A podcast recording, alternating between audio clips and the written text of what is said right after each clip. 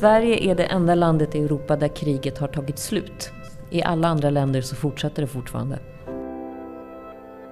Spåren, minnena, ruinerna, arven fortsätter.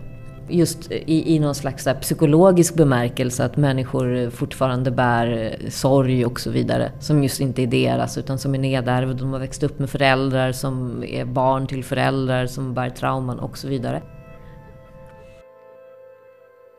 Det här är Nathalie Ringler, en svensk regissör som nära på föddes i Polen, som också kunde ha fötts i Israel, men så blev det ändå Sverige, av en slump kunde man säga.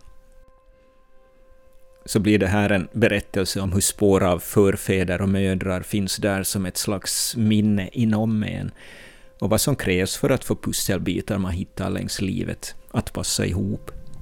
Och jag kan ju inte säga att jag är klar eller att jag förstår allt nu. Liksom, jag får ju insikter som nu i Helsingfors så får jag ytterligare en, nya ord för varför jag är som jag är och varför det känns som det gör.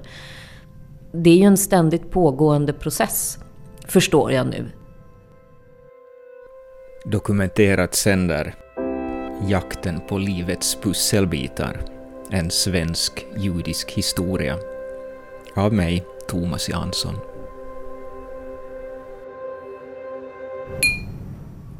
När jag var väldigt ung så undrade jag väldigt mycket varför bär jag så mycket sorg som inte är min. Jag tror ju jättemycket på, på det här med att vi bär eh, minnen på cellnivå. Alltså att vi med, eh, vårt DNA, alltså vår fysiska kropp, på något sätt redan bär ett minne av våra föräldrar och deras föräldrar och en massa andra människor i oss. Och rimligtvis, tycker jag då, så, så betyder det att även våra tankar på något sätt bär spår av andra människor.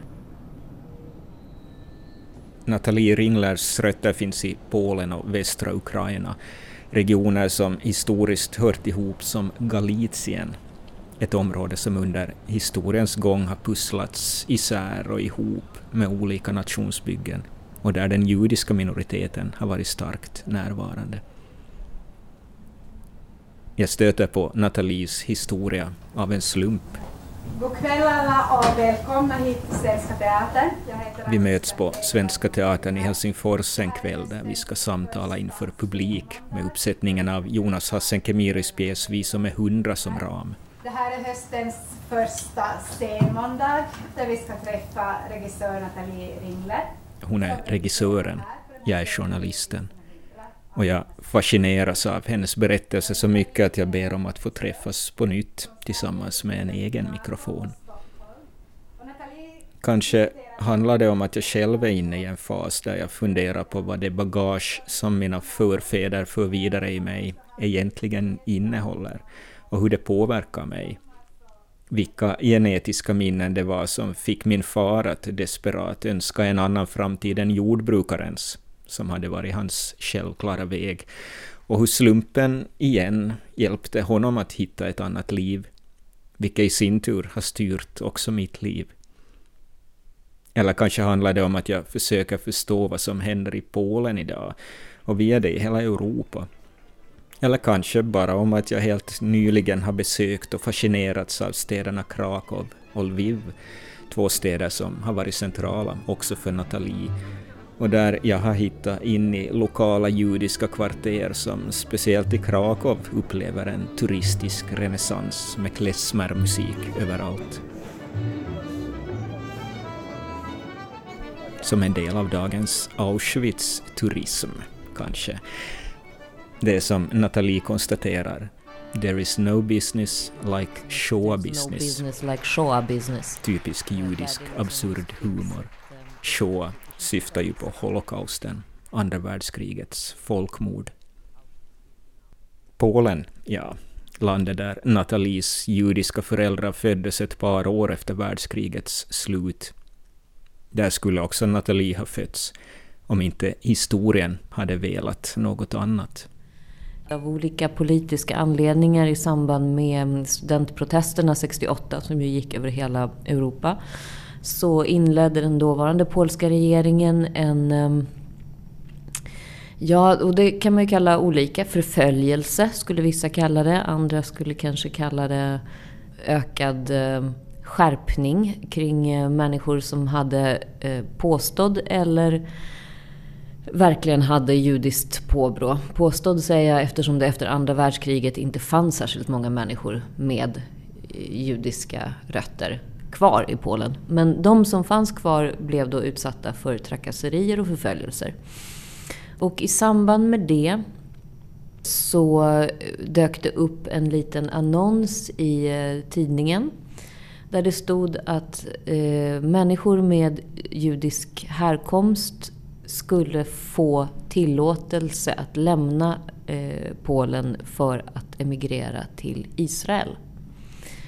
Och det var ju en, en väldigt stor sak i järnridåns Polen. Eh, så att väldigt många människor, bland annat mina föräldrar och min pappas föräldrar också, tog chansen att lämna. Varför flyttade inte till Israel? Det som, jag har frågat min, eh, mina föräldrar det flera gånger och det, det som det så ofta är i sådana stora livsavgörande beslut så är det ganska svårt att förklara varför det blir det ena landet och inte det andra. Min fars familj flyttade till Israel. Medan mina föräldrar valde att stanna i Sverige. Lite grann tror jag på grund av att eh, eh min mammas föräldrar stannade kvar i Polen. Så hon ville inte vara så långt borta ifrån dem. Eh, men också för att eh, min pappas vänner kom att hamna i Sverige. Och skrev eller på något sätt meddelade sig om att det här är, det här är ett bra ställe. Och då åkte de dit. Fyra år senare föddes Nathalie i Sverige där hon växte upp med två språk, svenskan och polskan. Och fast hon var helsvensk fanns där något inom henne som var så osvenskt, men som länge var svårt att riktigt greppa. Det fanns så många av livets pusselbitar som hon inte kunde få syn på i Sverige. När fick du höra den här historien berättas för dig första gången? Det kommer jag faktiskt inte ihåg. Det här är liksom en av de här familjehistorierna som, som liksom berättas och berättas. Jag har hört den i hela mitt liv. På olika sätt, liksom, just utifrån hur gammal jag var. Så att det är en av många familjehistorier. Hur kan man säga, vad är det för slags historier som är de här så kallade familjehistorierna? Många av dem handlar förstås om kriget. Eh, inte minst hela historien om andra världskriget. Och den mest så här, pregnanta därifrån är den som min farfar berättade. Om hur han överlevde ihop med sina bröder när de satt i en jordkula efter att ha flytt från ett läger. Alltså, det, det, är, en, det är den historien. Sen finns historien som är mycket mindre framträdande. Det är min farmors och min mormors historier. Min mormor som, som var polska, äh, var polska, hon dog ganska nyligen. Eh, hade en historia som, som handlade om att överleva på något sätt genom att göra sig så obemärkt som möjligt. Och hon, bland annat så blev hon tvungen att arbeta i en ammunitionsfabrik för tyskarna. Vilket var någon slags stor skam och ett trauma senare i livet. En annan historia är överhuvudtaget om, om vilka vi är och vår härkomst. Eftersom det finns så lite data kring familjerna. Eftersom så mycket av, av folkbokföring och register förstördes under båda krigen, under både första och andra världskriget, i just den här liksom, Centraleuropa-delen. Um, och det gör ju att, att det på något sätt bara är historier kring oss. En, en del av historierna är till exempel att min eh, farfars mor skulle ha varit dotter till en rabbin. Jag har ingen aning om hur, hur mycket sant det är, men det är en del av, av historien det finns också någon slags historia om att det finns eh, på, på, min mammas sida att det finns någon slags kosackhärkomst. Också högst oklart om det verkligen är sant. Alltså, så det är väl säkert många familjer som har just sådana familjeberättelser som är väldigt svåra att på något sätt bevisa om det är sant eller inte. Det tog då ungefär 25 år innan dina föräldrar återvände till Polen. Då var du också själv med. Hur var det att komma dit för er då efter en så lång tid och för dig allra första gången? Hur det var för mina föräldrar är ju svårt för mig att riktigt veta. Det var helt säkert emotionellt på många sätt. Ehm, de återsåg eh, vänner som de inte hade träffat på, på väldigt länge. Vänner, de, hade ju, de var ju trots allt unga studenter när de åkte. De var 22 när de lämnade Polen. Och för mig så var det ju helt världsomvälvande För att jag hade ju växt upp med polskan hemma. Jag talade polska, jag hade hemspråk. Eh, den här fantastiska Eh, uppfinningen höll jag på att kalla det, men, men eh, som, som fanns och finns i skolan då. Att man fick gå iväg en timme i veckan och eh, lära sig saker om sitt språk och på sitt språk. Ehm, så jag läste polska också, jag skrev polska.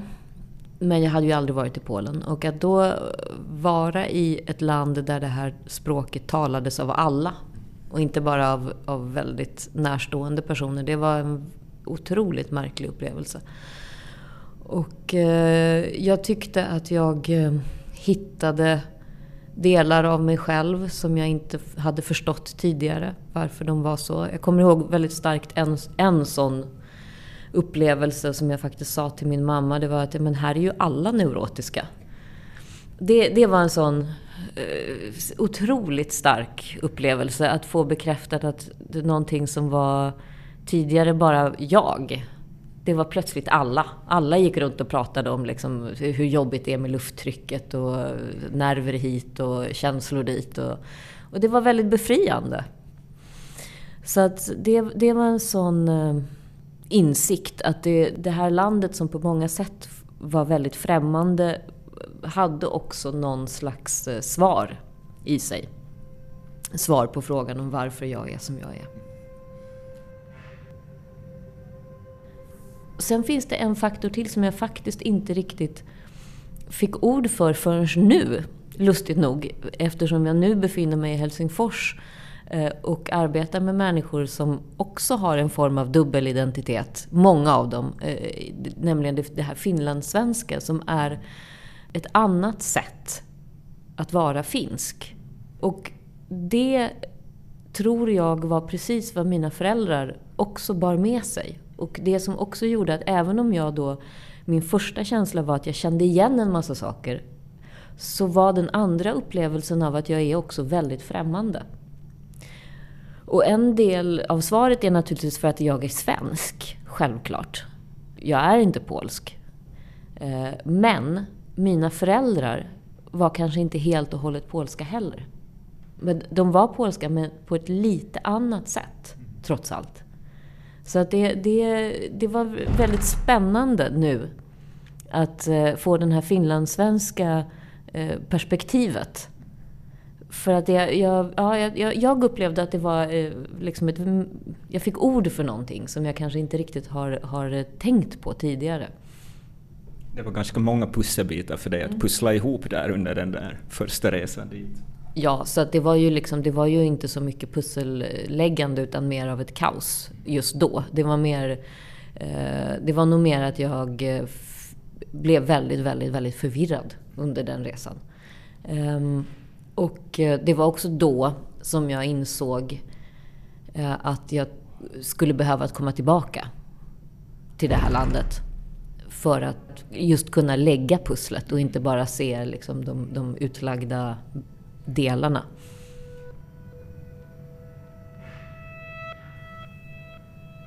Några år senare bestämde sig Nathalie för att resa till Polen på egen hand i jakt på fler pusselbitar. Hon ville tillbaka för att bygga upp en egen relation till landet, en som inte gick via hennes föräldrar. Nathalie hade jobbat som skådespelare i Sverige men funderade på att byta till regi. Via flera omvägar kom hon in till regiutbildningen i sydpolska Krakow, där hon stannade i tre år. Men till en början gick det, som hon formulerade, fullständigt åt skogen. Jag tror att jag eh, då var rätt övertygad om att jag skulle älska Polen. eh, jag, jag, tror att jag var, åkte dit i någon slags naiv föreställning om att jag skulle just bara Eh, uppleva mig omfamnad av Polen. Eh, och min chock bestod väldigt mycket i att inse att så icke var fallet. Och eh, den chocken tog mig nog större delen av tre år att riktigt komma över. Att det inte var självklart att Polen älskar mig. Och jag upplevde ju verkligen att jag var väldigt utanför i min klass på skolan. Dels så var jag eh, ensam tjej i min klass. Eh, men det, och så var jag ju också ensam utlänning. Och jag hade en väldigt stark önskan om att höra till. Till exempel, och jag kan nu så här i efterhand tycka att jag var lite eh, mm, naiv och kanske just dum på det sättet att, att om jag hade varit tydligare i att jag hör inte hit och jag är inte polack så hade det kanske varit lättare för mig på många sätt. Men, och, och också för att jag kanske var rätt duktig på att låtsas att jag var polack. Eh, jag pratade ju trots allt bra polska, eh, eller så här, jag pratade polska utan brytning. Nästan. Vilket gjorde att folk glömde att jag faktiskt inte var född i Polen.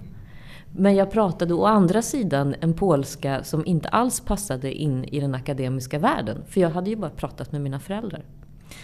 Eh, vilket gjorde att jag lät lite dum, rent ut sagt, i, i, akademiska sammanhang. För jag kunde absolut inte lingot liksom.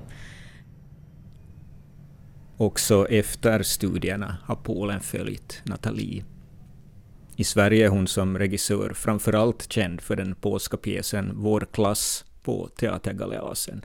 En prisbelönad regi, en produktion som också ges spela i Finland. Det var Nathalies mamma som tipsade om pjäsen, men länge ville Nathalie inte röra den, för att hon var så extremt negativt inställd till allt som har med andra världskriget att göra. Tills hon ändå, efter många övertalningar, bestämde sig för att läsa den. Det är en pjäs av eh, dramatikern Tadeusz Słobodzianek som är mm, en väldigt, väldigt känd och välrenommerad teaterchef och eh, dramatiker i Polen. Den handlar om en by i gränstrakterna. Det kan vara förmodligen är det södra Polen, men det är faktiskt inte sagt. Och vad som händer med invånarna i den byn under andra världskriget. Den börjar innan kriget och slutar eh, någon gång på 90-talet. Till skillnad från många andra berättelser om andra världskriget så tar den avstamp i katastrofen och sen fortsätter den. Där väldigt många andra pjäser nöjer sig med att komma till katastrofen och sen sluta. Så börjar den här pjäsen där och fortsätter. Och det upplever jag eh, gör den så unik. Därför att den berättelsen berättar vi så sällan. Alltså vad händer med människor efter att katastrofen har inträffat? Hur fortsätter vi? För de av oss som faktiskt inte dör, de av oss som överlever, måste ju fortsätta trots katastrofen. Och den, den historien berättar vi så sällan för att den är så svår. Det är väl också det här med att bilden av offer slash förövaren inte är så svartvit här heller. Ja, precis. Och jag tycker att det, det är också en av de saker som, som Tadeusz verkligen har fångat där. Eh, det att man är offer kommer aldrig att vaccinera en mot att bli förövare. Och också det att människor kan vara både och. Och det är just det, det fruktansvärda med att vara människa på något sätt. Det är att vi, vi rymmer liksom... Vi rymmer alla möjligheter i oss. Och omständigheter kastar oss fram och tillbaka och vi vet inte hur vi kommer att reagera. Vi vet inte vilken sida vi kommer att befinna oss på. Och vi kan bara hoppas på att vi bär de eh, egenskaper som kommer hjälpa oss att fatta rätt beslut bara för att det är det rätta beslutet i en given situation. En annan sak som jag tänkte väldigt mycket på då, eh, när vi gjorde den här pjäsen, det var just det där att eh, vi människor indelar oss helt naturligt i grupper. Det är en av våra starkaste drivkrafter, att vi hittar ett vi. Som vi liksom eh, eh inordnar oss i. Och det är i alla möjliga sammanhang. Det är vi i ensemblen, det är vi i bostadsrättsföreningen, det är vi i liksom cykelgrupper. Alltså det, det, vi hittar en massa olika vi som vi inordnar oss i. Eh, och hittar trygghet i. Och det är helt fine. Det, det så att säga finns inget dåligt med det. Men om det finns ett vi, då finns det alltid ett dom. Det finns alltid de som inte är med i det här sammanhanget. Eh, och på något sätt så är måttet för vilken typ av samhälle vi befinner oss i, eller vilka människor vi är, det är hur vårt vi förhåller sig till det där dom. Jag ska ännu återvända till Polen lite för det där du och Polen. Du har ju också jobbat där vid olika tidpunkter som regissör. Hur har det varit? Det har verkligen varit både och. Jag, jag eh, har tyckt väldigt mycket om att jobba där. Och att få vara där en längre tid igen och ingå i ett sammanhang, det var väldigt, väldigt givande. Och gav mig ytterligare en pusselbit att, att foga till det här stora pusslet. Och samtidigt så var det också väldigt eh, smärtsamt för att Polen då och idag var på väg i en riktning som gör att det är eh, väldigt svårt att vara en del av Polen. Utveckla. ja, alltså första gången jag kom dit eh, för att arbeta då, det var, då var det innan valet.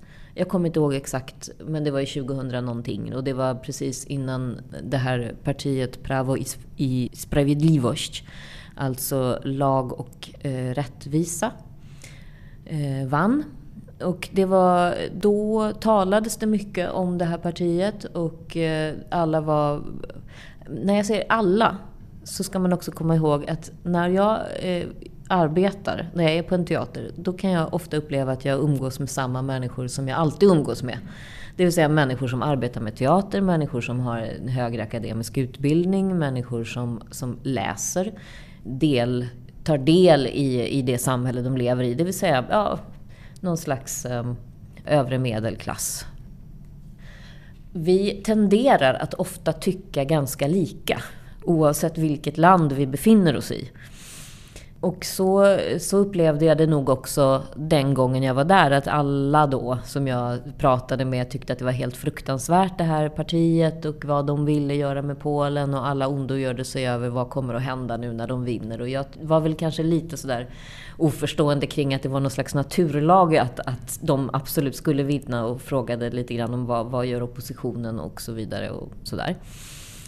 Eh, men så blev det. Eh, lag och rättvisa Eh, fick majoritet och vann.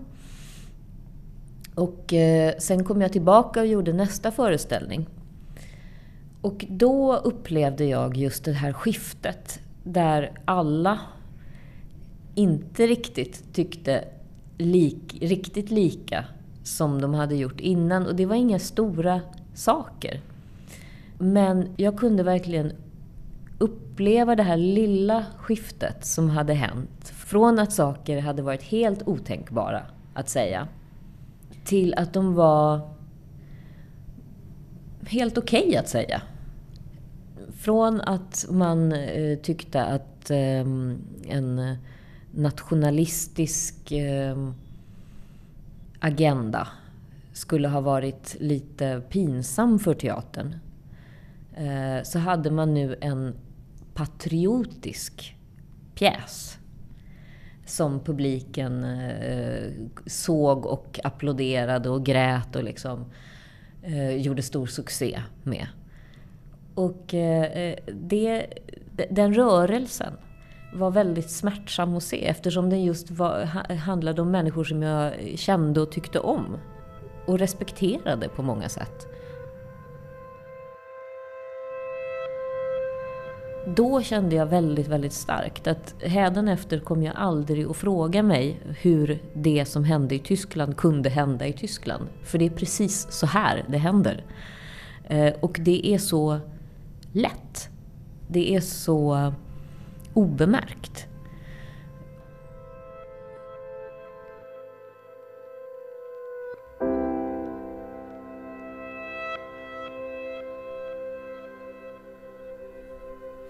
Så var det det här med att det bara är i Sverige som kriget tar slut. Och om man i ett sådant samhälle lever med en kropp som någonstans fortfarande bär på kriget och krigets följder och mycket som hänt redan innan kriget, då uppstår kanske krockar med samhället omkring en. Eller? Ja, men det uppstod väl just en sån eh, eh känsla av, av utanförskap eh, i någon mening. Alltså ett utanförskap i att man, att man är på något sätt bärare av eh, ett trauma eller ett problem som ingen annan ser. Då har man ju ett, ett, val, antingen att släppa och gå vidare och säga nej, nej, okej. Det är ingen som vill prata om det här, då slutar jag prata om det. Eller så biter man sig fast med någon slags dåres envishet och hävdar att det finns ett problem. Eh, och får stå ut med att, att, eh, att en ganska lång del av sitt liv så är man just något, något det finns ingen som delar det här problemet eller problemformuleringen tills då till slut man inser att jo, det, det finns en problemformulering och jag kan få gehör för den. Det har bara tagit 10-15 år. Och nu är du i Finland och vi bär ju på det Mm. på ett helt annat sätt än, än man gör det i Sverige. Har du känt av det på något sätt? Jo, absolut. Jag tycker att det, det är jättespännande. För att eh, eftersom jag är så, så känslig för det så eh, uppfattar jag det säkert mycket mer än, än många andra skulle göra. För det är ju, det är ju, eh, det är ju inte så att eh, Finland i gemen eh, utstrålar trauma på något sätt. Men för en som har tentaklerna ute så känner vi igen ett härligt trauma när vi ser det. Eh, så, så kan jag, jag kan ju uppleva att, det, att jag ehm, har mycket lättare att prata om vissa saker och att jag kan få just gehör för vissa saker på ett sätt som, mycket, som är mycket, mycket lättare och självklarare framförallt än, än i Sverige. Och det, det bara slår mig som just en skillnad. Så det är där du känner det liksom i kommunikationen och hur den fungerar? Ja, ja i smärtan och sorgen. Mm. du dras till liksom det här sorg men med humor på något sätt? Ja, alltså det, det, är ett landskap där jag känner mig otroligt hemma. Där det på något sätt är, man, där det är så svart att man till slut bara skrattar. Och där det är eh, att överleva är på något sätt det enda alternativet. Och då måste man överleva genom att se humorn. I, eller egentligen så här, jag skulle vilja omformulera det. Det är inte humor som sådan, utan det är det absurda. Det är svärtan och eh, det absurda som är eh, min eh, min speciella gren. eh, för att, och, och, det tror jag faktiskt är ett arv också. Väldigt starkt. För att det, och det var någonting som jag eh, kände mig väldigt hemma i, i Polen.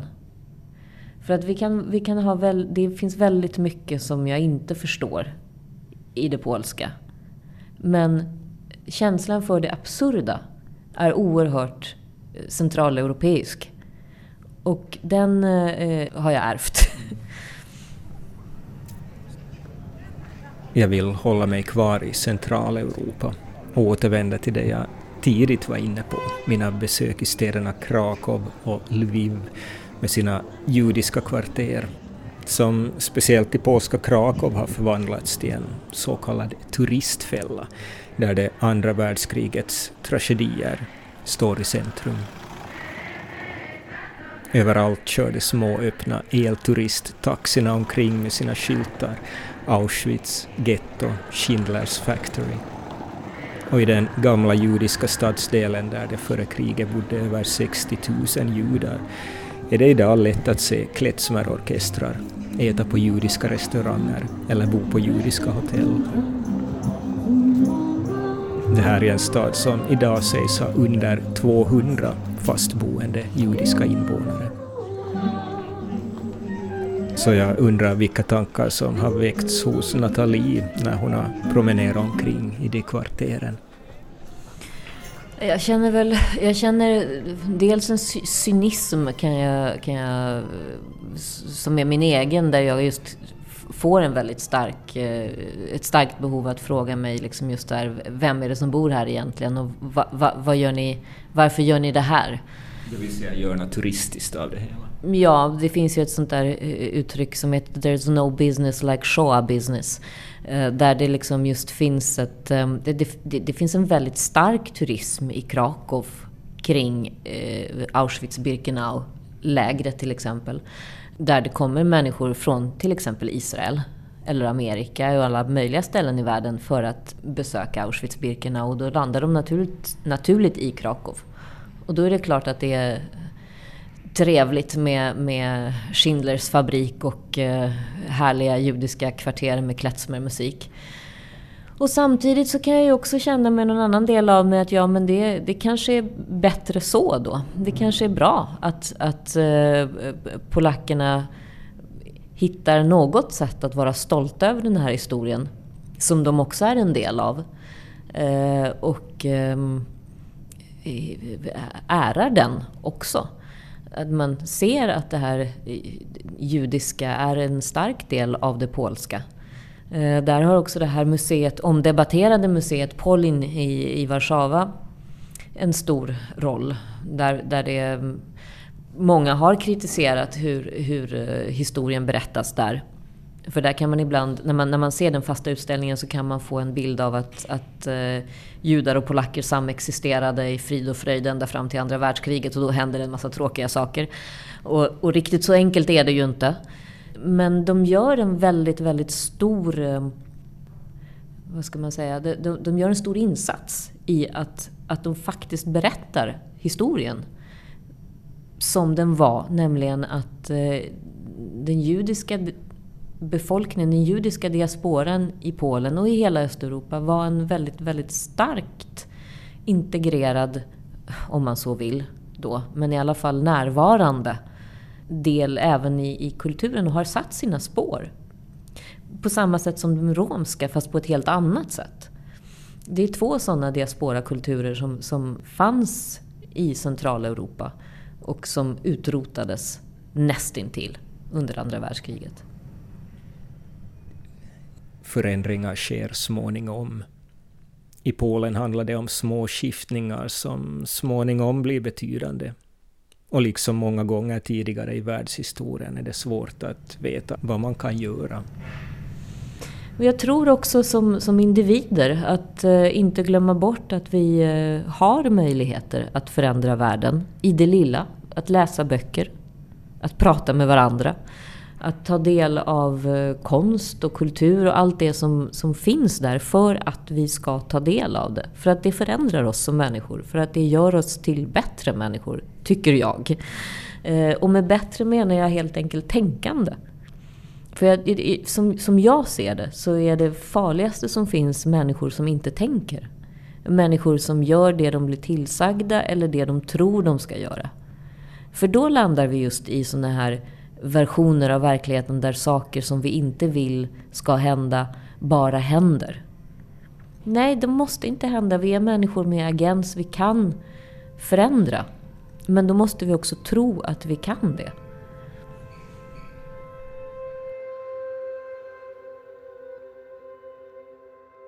I Nathalies hemland Sverige finns det också flera exempel på små förskjutningar. Ett omtalat exempel idag är den sydsvenska kommunen Sölvesborg som styrs av Sverigedemokraterna. Där har kommunen lagt fram nya linjer för konstinköp. Man ska satsa på folklig konst som harmoniserar med kommunens historia. Och det som kulturnämndens ordförande har sagt att man inte vill ha är det han kallar för menskonst. Menskonst är ett begrepp som Sverigedemokraterna faktiskt har använt när man har definierat sin kulturpolitik.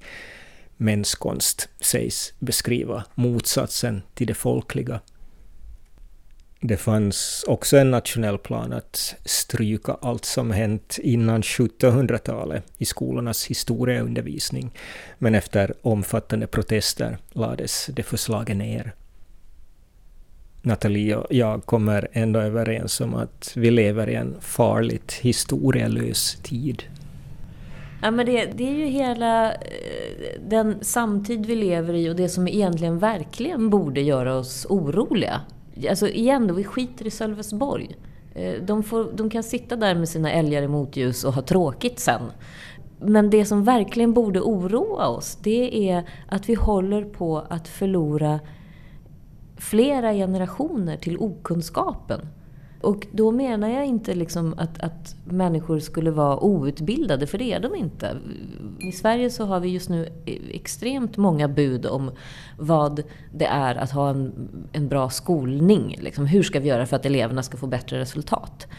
Men eleverna kommer inte att få bättre resultat om, de inte, om vi inte på något sätt inskärper vad en bildning är bra för. Varför ska elever gå i skolan? Det är så oerhört sorgligt att de flesta människor i Sverige idag inte kan säga vem som är deras favoritförfattare. Det, det, det, blir lite sådär, ja men det är ju, jag, har, jag tycker jag gillar Harry Potter-serien. Ja, det är jättefint men det finns, det finns en hel värld av böcker. Jag älskar också eh, J.K. Rowling då. Men det finns så väldigt mycket bra litteratur som vi eh, har glömt bort. Och som erbjuder så otroligt mycket av eh, kunskap om hur människan fungerar. Vad det innebär att vara människa. Som är så rikt. Och den börjar faktiskt i antiken. Alltså jag menar, det, det, det skrevs helt fantastiska saker i antiken. Och vad vi riskerar med det, det är ju att vi, vi landar i en historieskrivning som börjar med oss själva. Och då är det ju, det blir så väldigt tomt kring oss. Det, det är ju det.